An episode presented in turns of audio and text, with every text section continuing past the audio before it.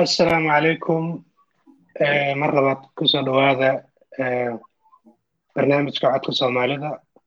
Barnaamijka codka soomaalida waa barnaamij aan uga faa'iideyno bulshada ku nool denmark. Barnaamijka waxaan ku soo qaadanaa inta badan warbixinno ama dhiirigelin ama wacyigelin. Waxaa barnaamijka maanta marti ku ah maxamed yaasiin oo ka mid iyo xasan daahir oo labaduba ka mid ah laba walaal oo ka mid ah groupka mediacom waxaana soo diyaarinay ama aan rabnaa inaan ka hadalno mawduuc ku saabsan ururada ururada yani organizationada ama ururada soomaalida ee ka dhisan waddankan denmark. Urur ama organization yani haddii la dhaho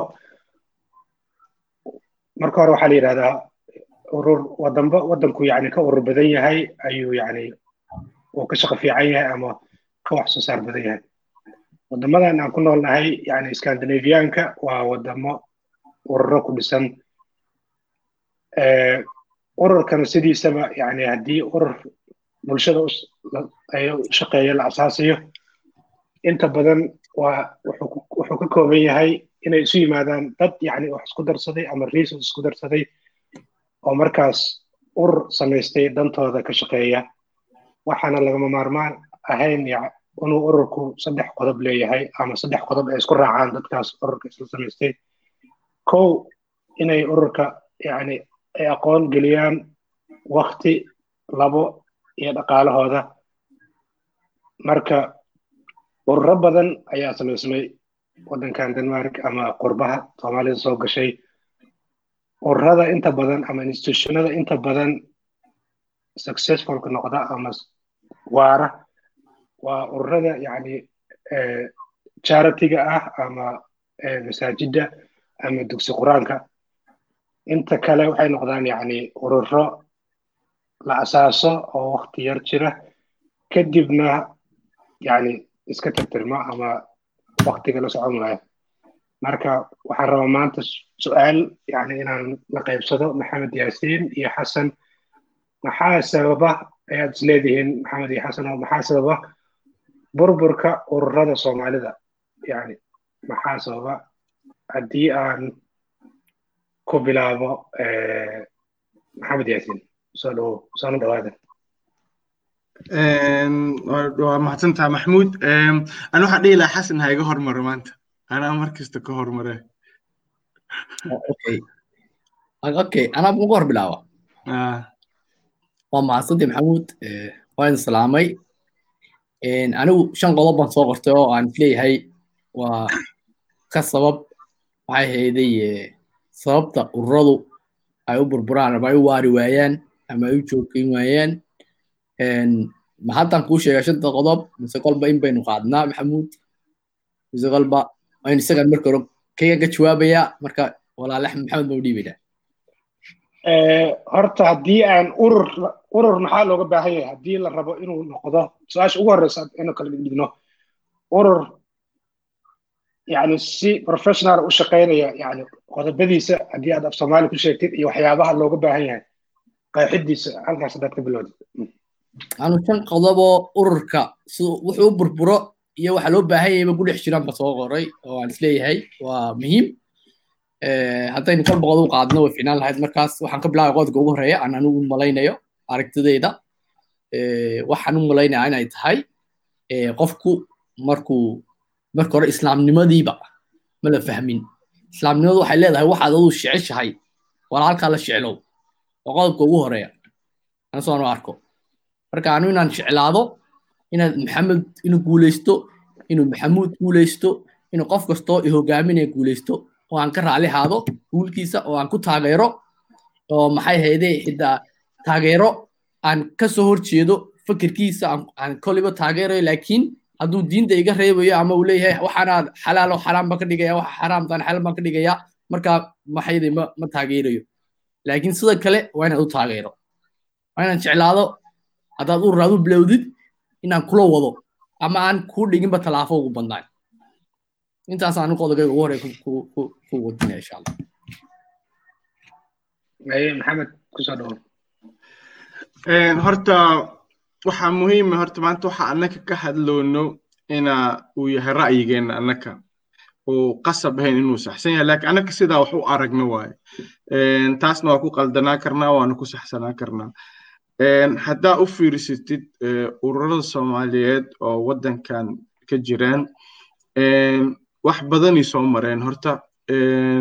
Sidii u eghayd kolba markii ururada soomaalida la furayey waxaa lagu furayey mentalitygii aan soomaaliya kala imaanay oo qof walba ciddiisa iyo dadku u dhow yahay ururo u furayey taas waxay u eg tahay maanta inaa ka bixi doono oo dadka badankood inay wax rabaan inay wax bedelaan rabaan.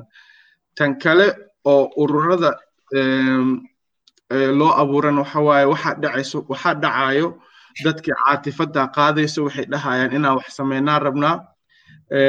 Markii laba wiig wiig laga soo dhaafana maxay ahayd sheekadii halkaasi ku dhammaanaysaa wixii oo dhan hal qof ama laba qof ka soo harayo so ujeeddada ururka laga leeyahay horta in laisla fahmaa fiican.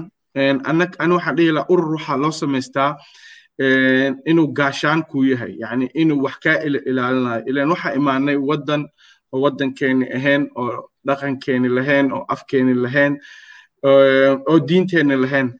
Taasna waxaa u baahannahay inaan ilaashano. Sidee ku ilaasho karnaa waaye? Sidaan ku ilaasho karna waxa waaye inaan isku imaano urur samaysano ururkaasna wuxuu kaa ilaalinayo dhibaatooyinka imaanaya hadda sidaa u ognahay soomaalida hadda qaybta carruur caruuraha laiska qaado waynugu badnaatay furitaanka badan wuunugu badnaaday maxay ahayd kaysas markii saxaafadii la imaaday iyo inay magaceenni iyo iyo sumcaddeena lagu ciyaaro waynugu badatay. Taasna waxaa keenaysayo inaa tafaruq uu jiro oo oo intaas urur aan leenahay laakiin wada shaqayn uusan jirin. Ururadana waxaa laga rabaayo anaka urur waxa ani haddaa urur gelaya waxa u rabaa urur oo ka shaqaynaya mustaqbalkeyga iyo mustaqbalka caruurteeda. So urur ani uma gelooyo inaa ani u noqdo guddoomiye ama guddoomiye ku-xigeen laakiin waxay u eg tahay ururo badankood markii la aasaasayo sababta lagu aasaayo ma aha fikrad dheere oo fikrad waktigaas jirto ama dhibaato waktigaas jirto ama dad dad isku xanaaqeen oo ururadii urur kale ka ag samaysteen dhibaatooyinkaasaan ani arkaa sidaa u arko. Taasna waxay keenaysaayo inay ururadii bataan dadkii oo shacbiga magaalooyinka ku noolaa inay gara waayaan yii taageeraan ilan urur kasta wuxuu ku socdayo dhaqaalo dhaqaalahaasna wuxuu ka imaadaa lacag iyo dadka memberka bixiyaan. Haddii intaasoo urur jirto seelo yaa lacagta la siinayo? Yaa member laga noqonaa? So ani badankood saasaa u arkaa inay fikradda ururka laga leeyahay la fahamsanayn iyo aragti dheer la lahayn oo ku saabsanayn waxa ani hadda rabo iyo iyo caatifadeeda ma ahe in laga fekero war haddaan rabno inaan sii joogno waxa u baahannahay wax gaashaan noo noqdo oo oo maxay ahayd aan hoos imaano markii dhibaato dhacdo. Ileen dhibaatooyin way dhici doontaa haddii laakiin la kala faraaqsan yahay oo urur kasta shan qof lix qof iyo maamulka yihiin oo lacagtii laga bixinayno hadhowtiyo ururo adag ma lahaanayno dhibaatooyinkeenana way sii badan doonaan. Su'aasha kale oo aan rabo inaan weydiiyo waxa waaya urur markii la samaynayo waddankan waxaa loo sameeyaa sharciye ayaa loo dejiyaa iyo qaab ururkaas looga shaqaynayo si uu u jiro. Ma male inta badan soomaalidu ururadoodu intaysan ururka samaysan ma dejistaan sharciyo adag iyo qaab ay u wada shaqayn lahaayeen.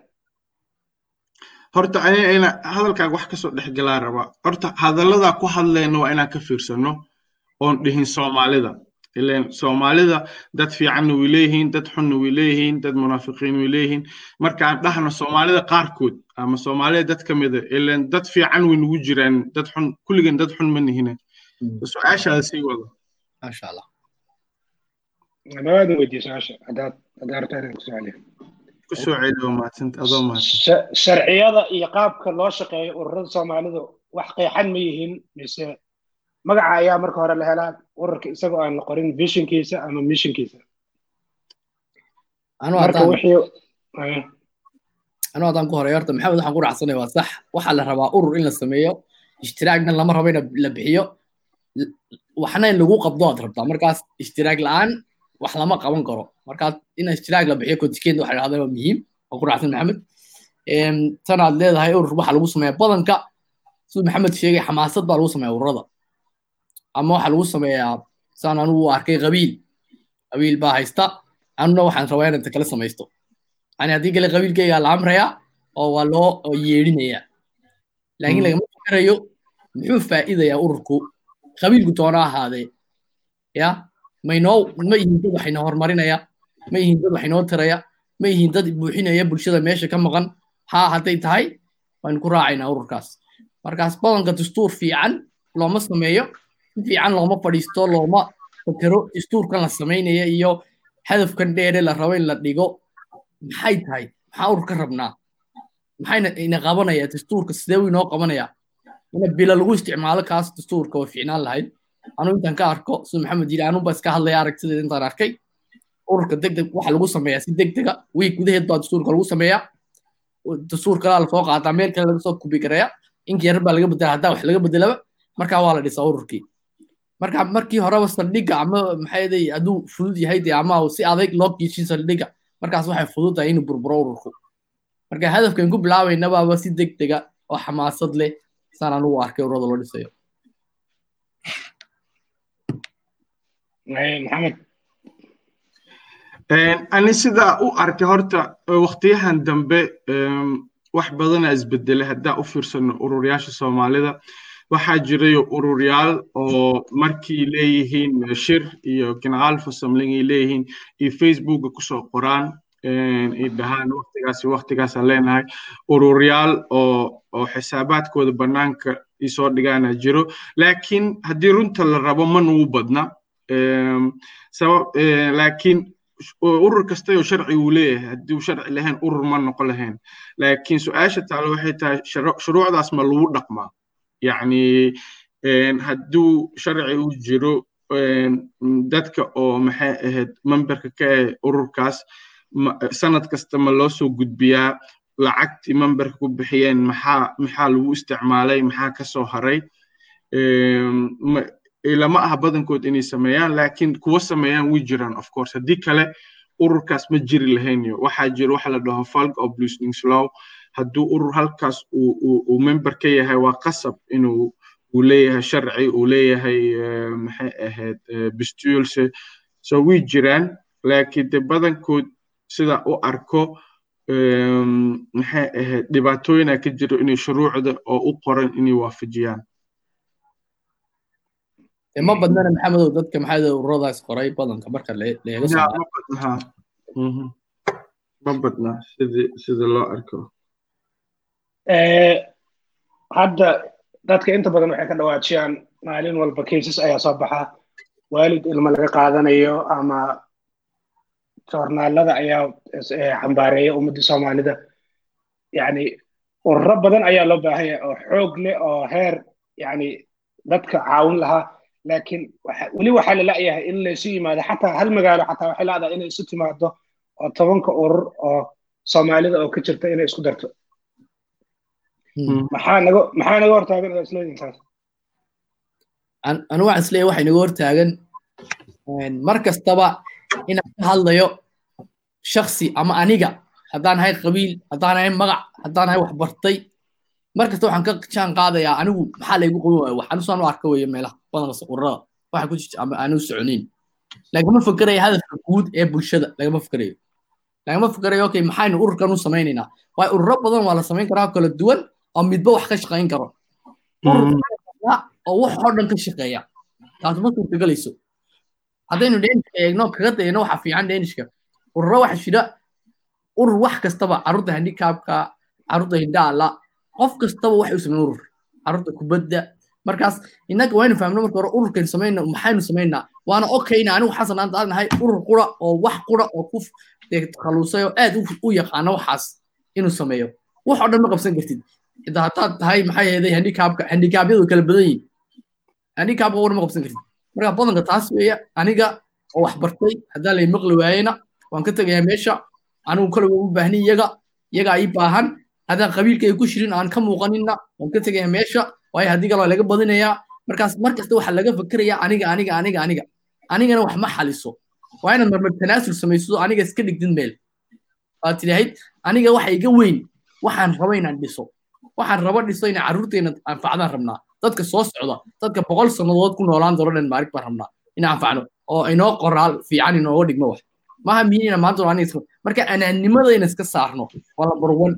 Anaaninimada iyo qabyaaladda. Waxaan rabaa inaan kaa dhex galo xasan. Ma ma naga dhaadhacsan tahay inaan waddankan dadka dadka qaar weli boorsooyinkoodii baa u xiran boqol sano inaan sii degnaanayno dadka ma ka dhaadhacsan tahay mislada horta mid waxa weeye ha kaa dhaadhacdo ama yaana kaa dhaadhicin xaqiiqdu waxa weeye ma ka guurayso halkan. Ama boorsada kuu toban boorso ha kuu diyaaro qoroobo ama diyaar haadaanoo aad la duuraysa beridoole wax allaala samaysid xaqiiqdu waxa weeye kama guurayso halkan. Marka haddaad degdeg u fahamtid hadalkaas oo aad tidhahdo waa koleyba halkan waan degnaanayaa markaasaad wax samaysan kartaa oo oran kartaa okay koleyba kama guuraya waxan. Markaas inaan isxidhin oo aan oran waan duulaya beri doole koley aan wax qabto aan hadda dhista wax markaas taas waa reality inaan laga socdo taas dhibaatooyinka sheegays maxamuud haddaa wax yar sii taabto ururada haddaa u fiirsatid fikradahan ka qabno haddaa annaga soomaalida qaarkood ay fikradaha ka qabaan waxa qof hadduu urur uu guddoomiye u yahay waxaa loo haystaa ururkaas qofkaas inuu leeyahay ama cid uu ka imaado inay ururkaas leeyihiin dhibaatadana taas waaye ileen qofka urur hal qof ma lahaa karo. Ururka waxaa loo sameeyaayo bulshadaa loo sameeyaa.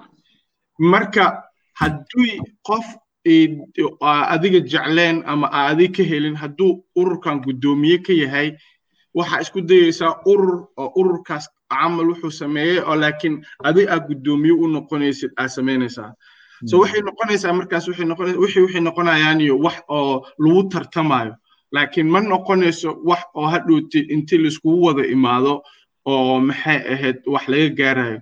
Haddaa u fiirsananayo annaga soomaali haddaan nahay labaatan iyo kow kun oo qofa inta waddankan ku nool. Magaalooyinkana haddaa si fiirisid weli waa lagu sii kala yaryahay. Hadda odense camal laba kun maa degan ohu shan kunaa degan copenhagen ma aqaani meeqaa degan magaalooyinkaasoo sii yarna intaasoo ururaa ka jiro. Oo isla wixiyaan samaynaa dhahayaan marka su'aasha waxaa maxaa keenayo? Ileen hal magaalo oo laba kunoo qof ama laba boqoloo qof oo soomaali degan yihiin inay shan urur iyo yeeshaan macquul miya. Xataa haddii la dhaho okay ha la yeesho waxaa qasab ku tahay oo shantaas urur ama afartaas urur inay wada shaqeeyaan. Ileen waxaan ururnimadan ayakama iska leh shacbigoodii wax u qabanayaan laakiin fikradahaas ma aaminsanin waxaa la aaminsan yahay ururkan hadduu xasan mas'uul ka yahay xasana ururkan iska leh iyo iyo cid waxay isku cid yihiina ururkan iska leh. Ayaka meeshaan iska leh marka intaa xasan caawin lahayn waxaan isku dayaynaa markaas inaan ururka laka ag furno. Laakiin xasan waa bini aadaniyo maanta beriyaa la bedeli karaa. So waxa maxaa loo sii haleynaa haddii la sugi karo ilaa uu xasan waktigiisa dhammaysanayo oo qof kale la keena dhibaatooyinkanayo waa dhibaatooyin soomaaliya xataa ka jirto haddaa u fiirsatid dadka dhan markii doorasho iyo jirto iyo soomaalinimo iyo waxaasee laga hadlaa. Markii cid la doorto kabacdi bis waxaa isku dayaa dadkaasoo dhan waxay isku dayayaan qofkaas inay uu shaqadiisa sii wado waayo. Taasna taasna waxay kutusaysaa waxaas inaa inta la imaano. Sidaas daraaddeeda marka anag saddexdeena wada hadalno aan dhahno.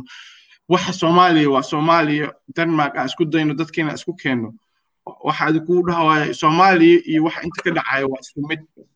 Isla isla mentalitigayaan wadanaa isku siyaan u fikirnaa ururadana saasay u shaqaynin iyo dee maxamedow dhibaatada waxa weye xasan ururka kama tegayaba. Inuu iska leeyahay buu moodayaa xitaa ma dhacayso. Waan diidaya inaan dhiibo. Taasna dee ma soconayso. Maadaama markii horeba fahmin ururka waxa loo aasaasay. Qofka hadduu fahman yahay ururka loo aasaasay marka uu sii daynaya laakiin intaan la sii dayn waxa ka sigay xitaa soomaalidii urur haska lahaadabe. Ma u diyaarinaya dadka loo sii qaado ururka taasna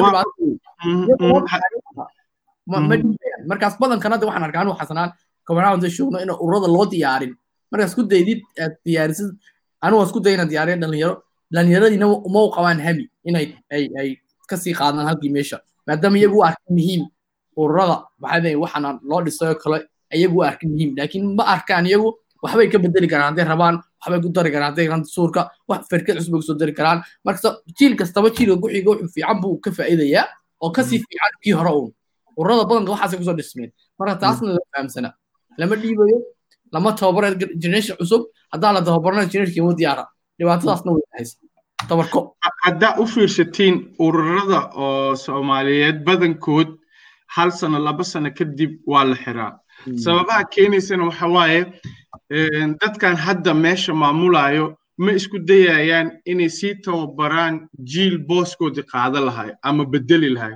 Waxay leeyihiin qofkan haddaa ani tababaro booskayguuba qaadanayo sidee u tababaraa laakiin booskaaga inay la qaato dhib maahayo ilan adiga xataa qofaa booskan ka qaadatay.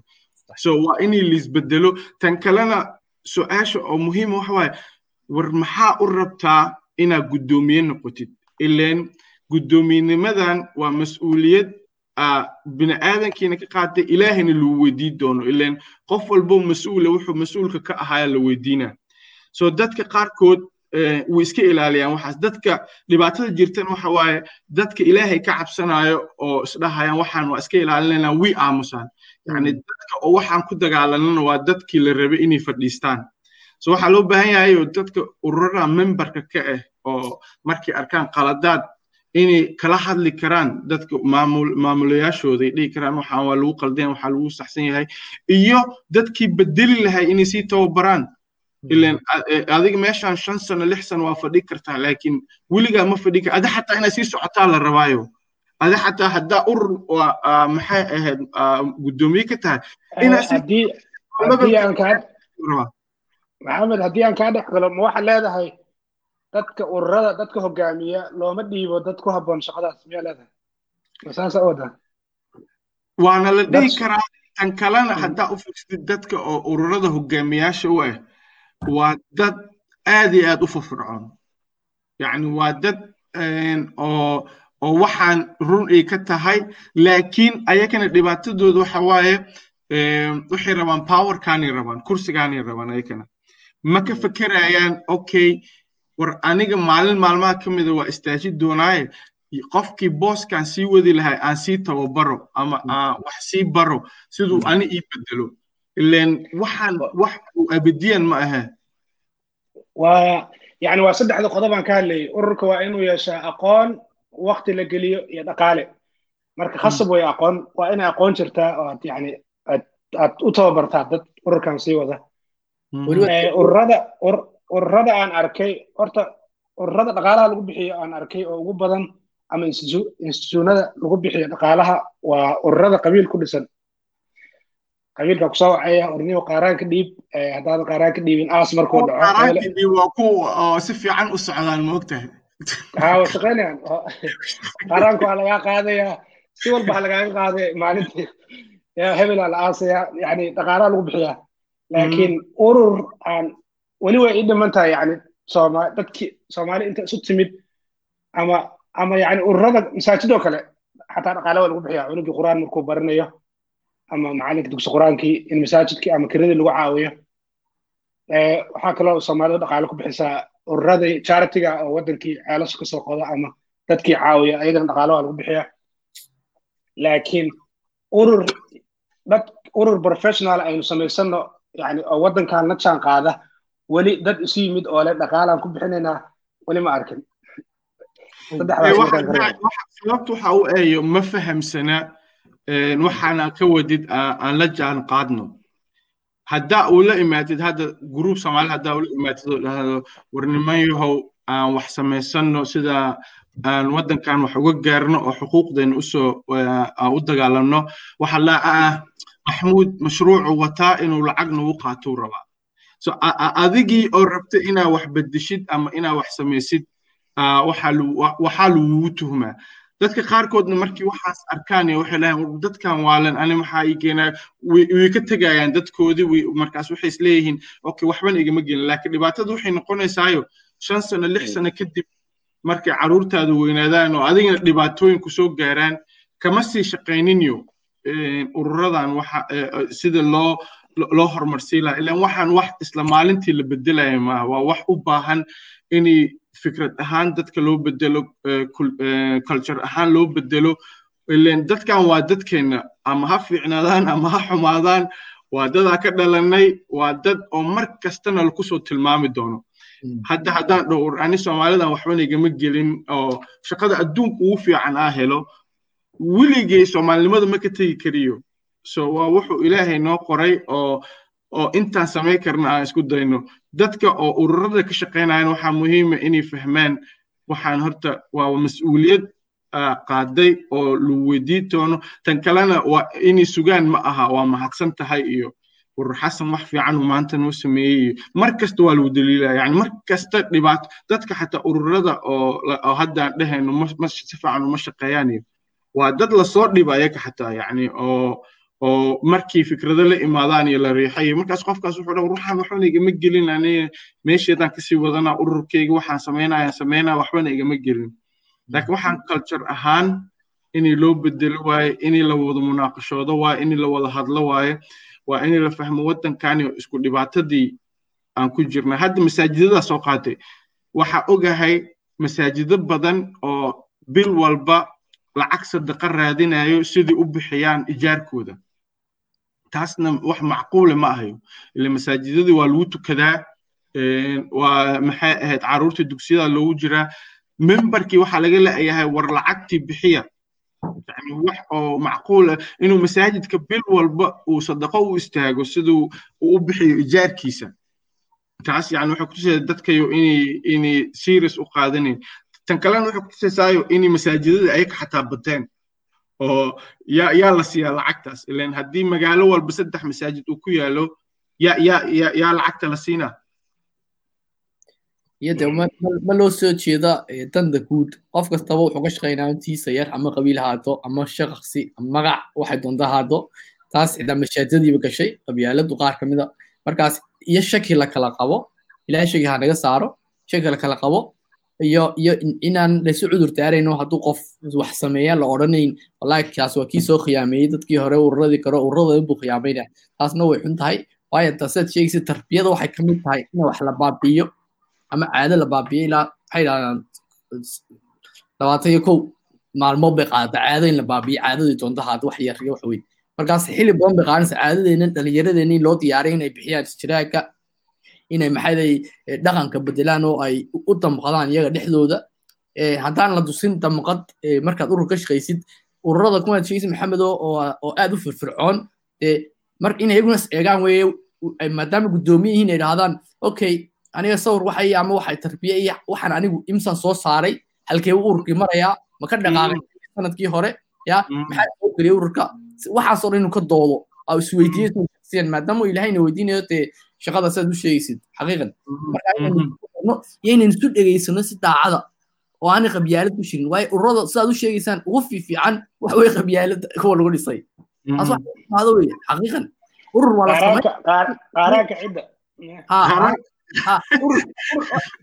urur waa la samayn karaa xabaasha idinka bixiya oo xabaasha xitaa soomaaliya waddankeeni geeya oo ururada ka qor laga qoro ururada maxayday maxayday aasaaska ku aasa dadka laga qoro member laga dhigo. Marka adigu kun iyo shan boqol oo quraad bixinaysid waan soo baadho. Ma way jiraan. Hamigeenu laakiin inu weynaado ilaahay wuxuu weel weyn baa laygu baryaa iyo si daacada niyad daacada.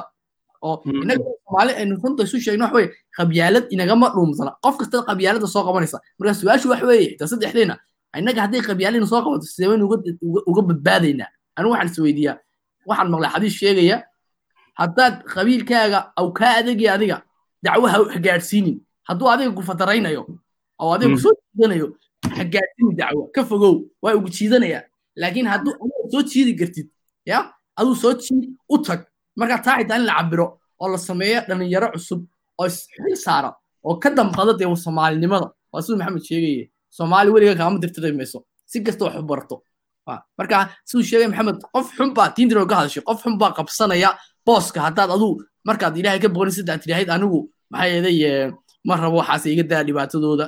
Anigu waxbaan bartay uma baahni. Waa inaad la dagaal akhlaaq leh. Oo layaa odayaasha adeer macaan aduu bal yaro fadhiiso okay ila tali dhaqan hadday tahay af soomaali hadday tahay sideeba loo maxay loola hadla islaamaha sidee loo hadla odayaasha? Ila tali macni iyagana yaana shaqo beelina soo geliya. Waxyaala badan wey markaas dhibaatooyinka badankood waxaa u malaynaa waxaa keenaya kalsooni darrada waay. Kalsooni liskuma qabo oo waxaa leeyahay maanta xasan oo ciddaase hadduu wax noqdo hadhowta anaku dhibaato noo keenaa. Hadda waxa soomaaliya ka dhacaya waxaas waayo qof walba oo maxay ahayd maamulo noqdo ama madaxweyne noqdo si wax u xalliya ma helayo ilaan dadkii kalaa ku dhegan sababta keenaysa waxaa kalsooni darro waayo. Dadkan waa haddii dadka dhibaato ka soo dhex dhacday kalsooni darradan weligeed way jiraysaa. War ciddaas ma aamini karnaa haddaan dhahno okay waa wada shaqaynaynaa. Oo ciddaas hadhowtima la aamini karaa. Haddii nooga baxaan ka waran oo xooggii iyo wixii oo dhan helaan. Laakiin su'aasha taalo waxa waaye inta annaka isku maqannahay caruurteennii iyo ahalkeenna dhibaato ku jiraan. Waddankan haddaa u fiirsatid systemka iskoolka iyo systemka carruurta iyo waxa loo dan leeyahay dhibaatada annaka naga dhex jirto waxbana ma aha. Ilan waxa waxaa dadka badankood qaato cadaawaddii qof kale u qabaan ama dhibaatadii qof kale u qabaan laakiin cadaawaddaas waxay noqonaysaa hadhowta caruurtiina inay ku baabaado. Waxaan haddii xataa soomaaliya jiri lahayd waddan soomaaliyada la joogaa way yacni qofkii asagoo dhaqankiisii diintiisa haystu iska noolaa lahaa. Laakiin inta haddii la isku wada imaan waayo oo oo qof walba wuxuu cadaawaddu qof kale u qabo gees u dhigi waayo carruurta aan dhali doono iyo aan dhalnay aan dhibaatooyinkan gaari doono ila caruurtaas waxay u baahan yihiin organisationyaal adag in la dhiso. Oo laga midaysan yahay. Hadduu organization walba toban qof u wato dowladdu waxay la hadlaysaayo ama dadka kale waxay la hadlaya organizationka u dhow yihiin ama i controli karaan. Laakiin haddii hal urur laga midaysan yahay magaalo walba oo la dhahayo okay ururkaasa soomaalida loogu imaadaa hadhowti respectaa yeelanaysaa hadhowti waxaa noqonaysaa hadhowti haddii groupkaas wad ama magaaladaas qof dhibaato loo geysto ururkaanaa joogo dadkaanaa joogo dad isku xiranaatiin laakiin ani ma u inaa heerkaas aan gaarnay oo cadaawaddeenna aan gees u dhigi karno oo ka fakeri karno war sidee dadkeenna u badbaadinaa sidee caruurteenna u badbaadinaa ilan ani waxaa soo arkay iskoolada systemka iyo systemka tacliinta iyo wax cadaawaddeenna wax ka weynaa jiraan. Iyo dee maxaa yeeda ina ina ina maxaa yeeda sida sheegaysa aad baan kugu raacsanay hadalkaas inay ina si fiican loo dhuuxin jeclaan lahaa. Iyo ina maxaa yeeday laga wada hadli kara wax kastaba. Diinteennu inoomay diidina wax ka naqaashno aynu ka wada hadalno aan laga baqanin oo aan la sheegin ama kor sare loo qaadin hadallada qaar oo aad ay ka mid tahay qabyaaladu qabiilka waa okay la isku gargarto laakiin qabyaalo laga dhigin oo la eega waddankeenu joogno wallahi hadalka maxamed sheegaysa aad iyo aad u muhiim yahay maadaama anagu carruur daleena hadda aad baan u dareemayna anigu horta khaasad aad buu dareemayaa in loo sameeyo carruurta wax looga tago. Haddii kale biyo kaa badan iyo dad kaa badan bay ku hafiyaan ma badbaadaysid? Dhalinyaro badan ba niyad jab ah oo aan waxba marigii hore active ha oo gruubyada maxaa masaajidada idinku xitaa taqaanaan oo hadda waxba ka gelin oo dee soomaalinimadii oo dhan ka baxday soomaalinimadana inagaa dili karna ama inagaa kubcin karna. Laakiin ina loo fahmo inaad qof kasto oo xasan la yidhahdo maxamuud la yidhahdo maxamed la yidhahdo inuu su arko oo fikiro mar kastaba tallaabo kasta uu qaadayo urur kasta oo la sheegayo marka ugu horeysa si daacada loogu sheego wax odayaasha qofba qofku garanayo qofba qofku qabiilkiisa ah in loo sheegay aabo abadeero abti halkaas ka shoog halkaas ka shoog halkaas qalad weeye. In laysla taliya anu aad baan maxaa u practicaya ama aan u dhaqan geliya inaan dadka la hadlo odayaasha. Marka lambar one laysla hadlo ururo kastana la tago. Macni hadda kobeyn ma sheegi garna inta urur way is ogyihiin saddex boqol iyo sagaal urur baga jira. Waa shan subxaan allah wax laga xumaado weye su'aasha kale aan rabo inaan weydiiyo waxa weeye ururo badan oo oo lokaalo leh ama ama ama jaaliyado leh ama ama copenhagen ha ka jiraan ama odense ama owis aniga aragtideyda yani waxay ku soo bataan ama waxay noqdaan aakhirkii meel dadka waaweyn fadhiistaan. Dhalinyaraduna way aayar aayar bay uga sii go'daan. Hadhowna dhalinyaradii waxaa ku dhacda inay banaanka istaagaan ama jidadka kuluubkii ama masjidkii ama meeshii kafiigii uu noqdo meel dad waaweyn ku sheekaystaan ilmahoodana bannaanka taagan yihiin. Taas waxaa aad u yaqaanay ayaan is leeyahay maxamed yaasiin. Maxamed haye mawduucan ani meeqa sano lix sano toddoba sanaan ka hadlayay waa wax iga dhaadhici karin yani waa si loo fahmo ma leh. Ileen ani magaaladan deganaha u soo qaadan karaa tusaale. Waxaa jiro adi saddex organization ama afar organization oo meelo la fadhiista leh okay meelahaasna waxaa fadhiisto waalidiinta fadhiistaan. Ani anoo waalid ah anoo waalid ah oo carruur leh intaa meel fadhiisto oo meeshaas aan ku baashaalo oo caruurteedii meel haysanin ay ku barbaaraan ay ku baashaalaan taas yacni wax aan u dulqaadan karo maaha. Haddii la dhaho okay war dowladdii halala hadlo oo hala keeno meel dhallinyarada loo keeno meelan lagaama ijaarayo ilan lama rabo in organization oo carruurta wixii dowladda sameyn lahayd samaynayo ilan dhallinyarada waxaa loogu tala meel dowladda ay leedahay oo fritis klube iyo meelahaas inay aadaan meelahaasna yo caruurtii ma rabaan.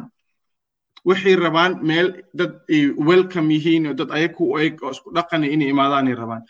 Meelahaas marka dowladdii inay furto ma rabto. Ilan ayagaa ka baxaya meeshii. Waalidiintii la rabana inay caruurtan ay ka shaqeeyaan.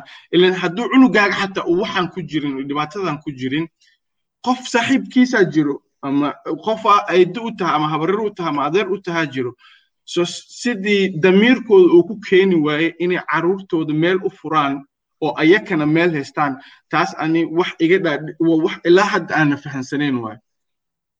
Laakiin way jirtaa meel kasta dhallinyarada markii adi afar iyo toban sano gaaraan ilaa labaatameeyada meel loogu talagala ma jirto.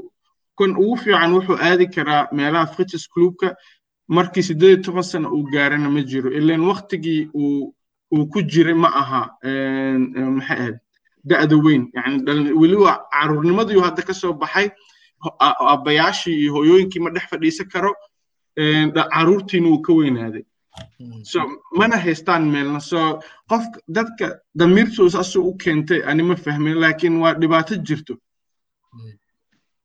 Laakiin de xitaa waa la samayn karaa maxaa yeelay dhalinyaro ama ururo dhalinyarada meeshooda hawshan ay qabtaan dowladdu qaban kara laakiin waxaa loo baahan yahay hami weyn deenishka naqaana way fududta in la sameeyo laakiin in la isku xidhan yahay iyo in la isku xidhan yahay ku xidhanta hadda kamuunka gabdhaha wax kasta uu noo diidaa soomaali ahaan waayo wuxuu yidhaahdaa dadkana way og yihiin maxaa isku imaada ama wada doonta ya isu soo doonta wax maxaa intaas ururtiina soomaaliya dhibaatadaas anaka laakiin intana ma haysato haddii looga hadlayo maadaama uusa ka hadashan koomba ka sheegaya inaad dhibaatadaas laakiin anaga maadaama weynahay oo kamuunku lacag siin kara dadka macnihi lama de waxay leeyihiin waa kala duwandiin macnihi de maxaa intaasoo urur u samayseen baa laleeyahy ilaa ma yaqaana qabiilka hadday soo baranayaan qabiilka iyaguna soomaalida maadaama dad uga sheekeeyaan marka hamigeena ku xidhanta aniga waxaan aqaanaa hoolal badan oo banooniga lagu ciyaaro inta badanna kaararka odayaasha haysta odayaasha ku ciyaara ciyaalku meelay ku ciyaaraan male. Marka taas anaa markhaati ka ah.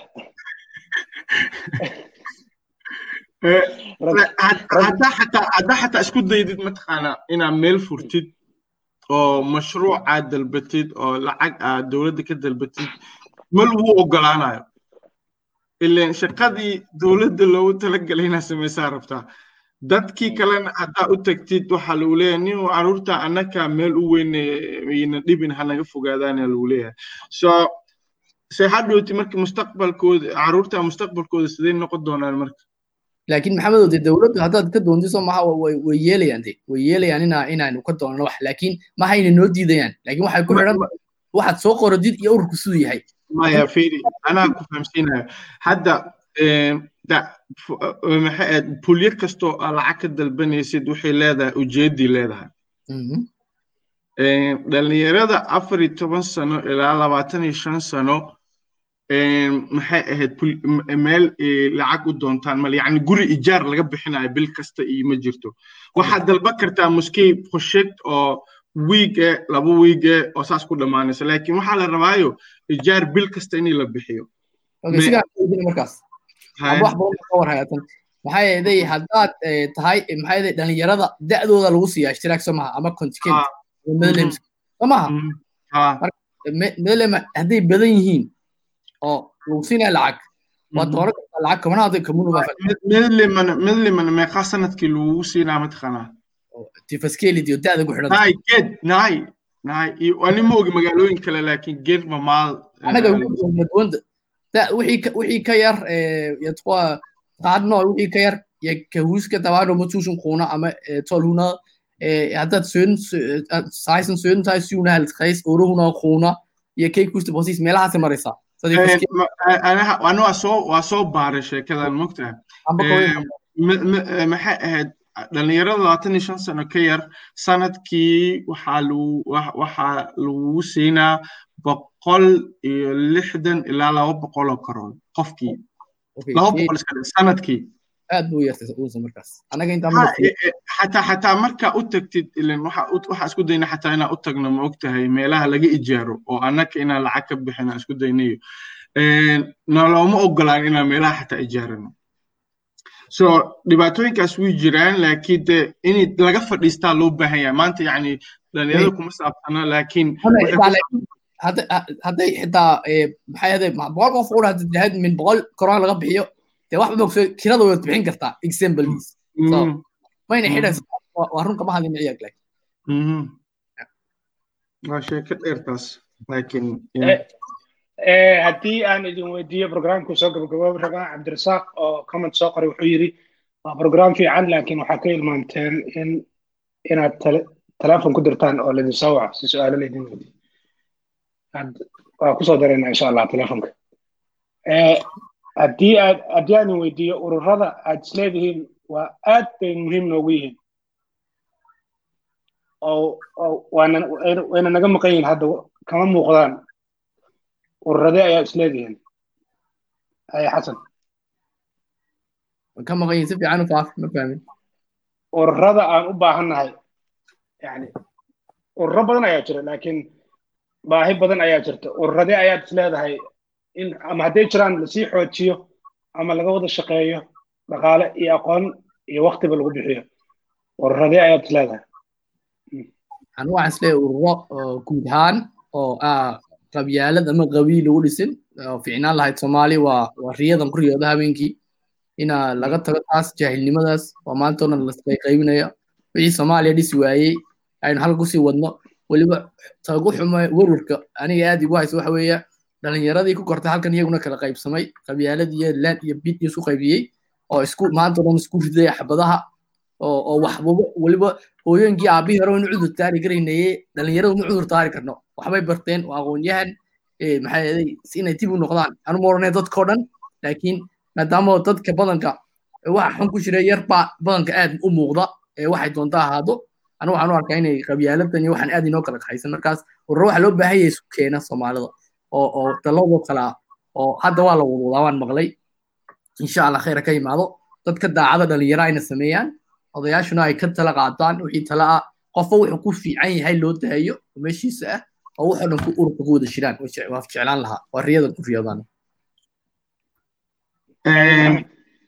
horta maxayd annaga waxa u baahannahay male haddii runta la rabo wixii oo dhan waa haysanaa. Ururo caruurtii waa haysanaa sportskii waa haysanaa caafimaadkii waa haysanaa maalin laweed urur waxaa jira oo tacliinta iyo shaqada ka shaqaynayo miidyadii waa haysanaa. Waxaa la rabaa marka ururadaasoo dhan sidee iskula shaqay lahaayeen ama ma rabaan inay isla shaqeeyaan ilan haddii la wada shaqeeyo ururadaasoo dhan waxaa ka imaanayso in la samaysto dallad hadhowtee oo la dhaho dalladaas waa shuurada camal. Yani dalladaasaa arrimaheenna oo soomaaliyadu waddankan degan denmark sannadkii hal maraan kulmaynaa waa ka tashanaynaa. Waa la samayn karaa laakiin su'aasha waxa waaye ma la rabaa in la sameeyo.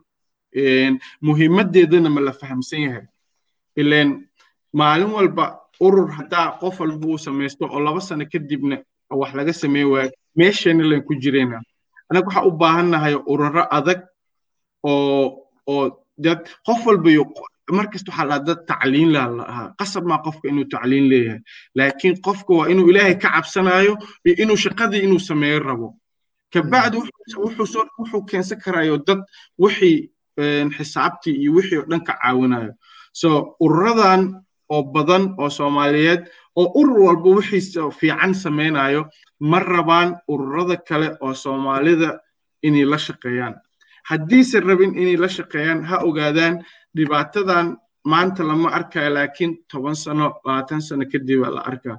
Haddaa u fiirsatid ani dhalinyaro badan oo jaamacadaha dhigtaan iyo saaxiib la ahay.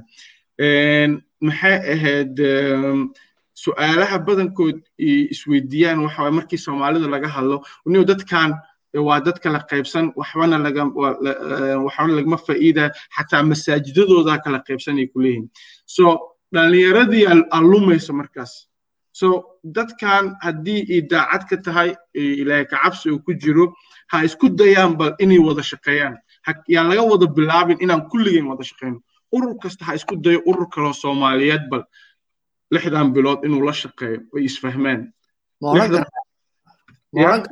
marmar geesi baa loo baahan yahay anaa isku dayna geesi noqdo maanta ma la odhan karaa soomaali hadday nahay maadaama socdo urur hadda isku keenaya dadka ama aanu maqmaqlayno idinkuna maalin dhaweyd ka waraysateen hordheere ina ururkaa bal la tago oo si indha furan ama si qalbi furan loo tago oo la yidhahdo okay maxay laga wada shaqeyn halkaasa laga jaan qaadi karaa oo la odhan karaa bal taga meeshaasoo soo eega marka inaynu isu soo dhowaano aynu bal si daacada isu wada hadalno urur kastaba ha imaado oo ha la imaado ajenda la'aan ama wax isagoo wadin si daacada ana ka fakero maxaa ka faa'iidaynaa urur kastaba meesha saynu dul sare isu qaadno way fiicnaan lahayd marmar xitaa layn isku kalsoonaado aan anigu adiga isku kaasoo tuuri karo oran karo waxaan isku haleeyey inuu maxamed i qabto waan ku kalsoona maxamed yani marmar taas in xitaa la tarbiyeeyo way fiicnaan lahayd ani laakiin taas waxyar waa ka soo horjeedaa.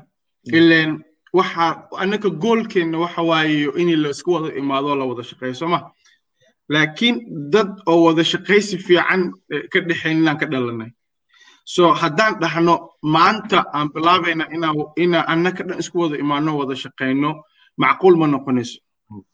Laakiin waxaa samaysan karnaa wax oo tallaabooyinkoo kooban oo hadhowti keeni karto inay la wada shaqeeyo. Inay kalsoonidii horta la dhisa waayo muhiim. Taas urur kasta inuu isku dayo waaye urur kaloo soomaaliyeed bal inay isla shaqeeyaan marka hore. Ma la odhan karaa? Aniga kugu raacsan hadalladaas. Si fiican dhegeyso. Ma karaa ururka kalsoonida aad rabtid halka ka bilaabmaysa maadaama hadda soomaali dad ah inay bilaabeen inay isu keenaan dadka khayrka lagu taageero la yidhaahdo war koleyba dad baa yimiye kalsoonida halkaa ka bilowno. Naanay naanay. Laba waxoo kala duwan waay laba wax laba waxoo kala duwan waay. Waxay ku kala duwan yihiin mataqaanaa ururkan hadda la samaynayo wuxuu rabaa ujeedadiisa inay dallad noqdaan waay. Okay ururkaas dadaa ka shaqaynayo inay dallad noqdaan soo ma? Qofkii raba inuu ururkaas caawiyo waa inuu u taguu caawiyo. Taas waa mid laakiin ururadan jiro hadda oo magaalooyinka kale dhan ka jiro waa inay ayaga dhexdooda isku dayaan bal inay urur kaloo soomaaliyeed la shaqeeyaan ay bilaabaan wada shaqayn si kalsooni u imaato.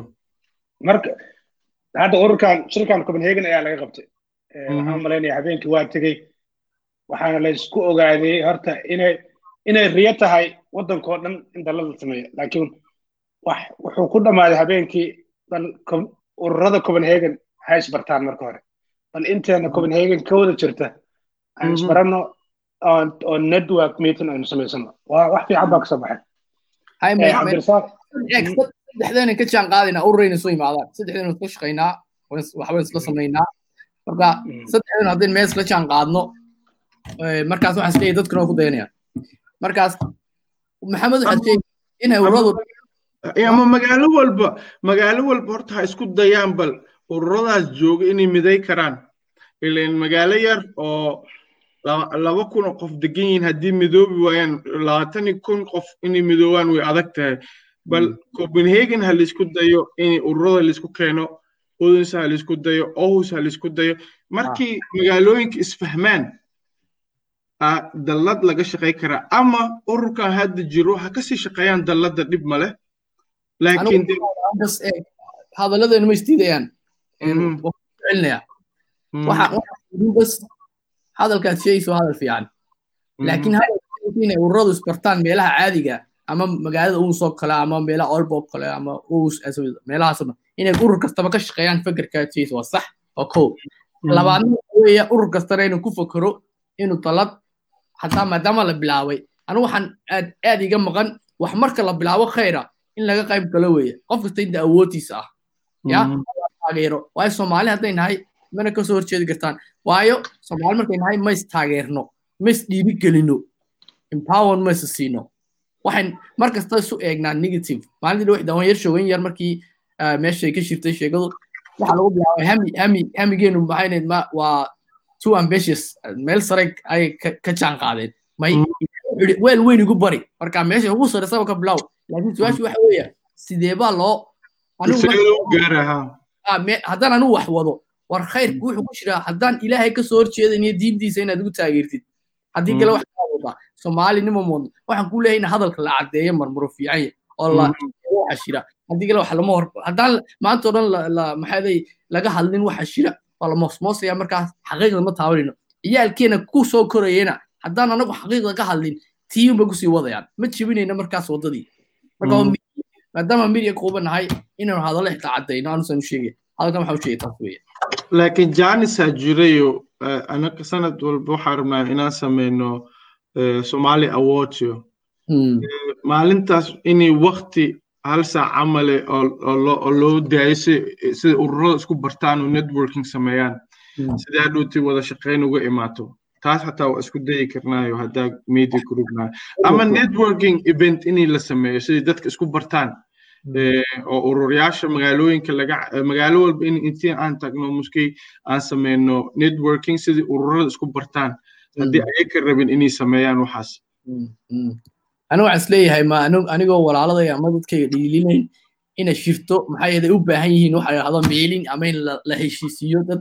Waayo dadka badan waxa odhanaya me me aniga heshiis ma baahnin laakiin marka xaqiiqda la sheego soomaali heshiis bay u baahan in la heshiisiiyo markaas inaynu inagu idinahno okay innaka mas'uuliyadda qaadayna dadkii imanay ha imaadaan wayna yaqaanaan wax fiican ba wadnaa imaada anaguna waa facilitating ama waynu u diyaarinana wixii u baahan yihiin waayo haddii ma soconayaan haddana waxa la wadaa urur inaa la isku imaado copenhagen ha laga qayb galo ilaa qaransiiya. Ku taageer qofka ku caqli low soomaalinimada laga hadlaya. Haddii soomaalinimo daacadii ka tahay haddii kale naga tahay soomaali maalin dhow labaatan sano kadib way baaba'aysaa soomaalinimada haddii kale. Dhanka su'aalaha haddaan fiiriyo su'aalo badan ma jiraan.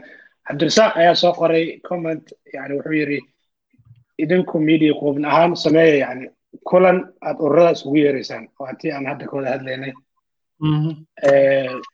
Programku noo soo xirmayaa qof walba maxaad ku dhamaynaysaan yani kelmad baraarujina laba laba daqiiqa ayaad haysteen? Anaa kaa horreeyay markii hore aad bilow maxamed ani waxaan dhihi lahaa horta muhiimadda inaan fahmno waaye oo ururada ugu baahannahay. Ururada uma baahnin inaa annaga guddoomiyaal iyo wax aan xukunno laakiin waxa ugu baahannahay inay gaashaan noo noqoto sidaa isku difaacno sidaa iskugu difaacan lahaynna waxay u baahan tahay dadkii inay meel ka midaysan yihiin. Haddii meel laga midaysnayniyo wax ururkaas uu taraayo male so taasaa la isku daya tan kalena ururka hal qof ma laha laakiin waxaa iskale shacbiga. Qofka urur guddoomiye u ena shacbigu inuu u shaqeeyo la rabaa. Asaga iskuma shaqaynayo marka qof walba oo urur oo ku jiro ha isku dayo bal horta wixii asaga laga rabo inuu ka soo baxo. Horta kontigendiga dhiib markii lagu baahan yahay diyaar ahaw kabacdi weydii maxaa lii samaynaa laakiin urur kasta haddii lagu bilaabo maxaa ii samaynaya qofkii dee meeshaasi ku dhammaanaysaa sheekada. Soo ilaahayna ha laga cabsado. Saasaan dhihi lahaa. Xasan. Anu waxaan ku dari lahaa aad baan ku raacsan hadalaas waxaan ku darayaa bas ta ah in qof kastaba meel kasta oo joogo denmark urur kasta oo garanaya soomaaliya inuu ka fakero oo yidhaahdo aniga lagama xigo. Urur kastaba lagama xigo. Mas'uuliyaddaada aduu isa saar haddaad inan tahay haddaad islaan tahay haddaad oday tahay mas'uuliyaddaada saar. Ha isweydiinin maxay dahin ma lagu ogolaya meesha. Anu saasa sameeya urur kasta waan galaa urur la odhan karo bax ma jiro. Okay? Marka qof kasta mas'uuliyadda ha isa saar isagu ha yidhaahdo anigu ururkaygii waan bixinaya suu maxamed yidhi wax oo dhan laakiin waan ka qayb gelayaa fii sabiilillah waxaan ka qaban karo. Mar kasta wax shida waxaad qaban kartid. Waxau doona ahaade mas'uuliyadda saar wuu noo soo xirmayaa aad ayaad ugu mahadsantihiin intii naga daawanaysay pagekeena facebooka. Sidoo kalena maxamed iyo xasanna way ku mahadsan yihiin fikradahooda ay ka dhiibteen ururada ama brogramkeeni eh, ahaa mawduucii magaca aan ugu magac darnay maxaa sababa eh, burburka ururka soomaalida? Brogramkeeni intaas ayuu noogu xirmayaa eh, wasalaamu calaykum waraxmatullaahi wabarakaatu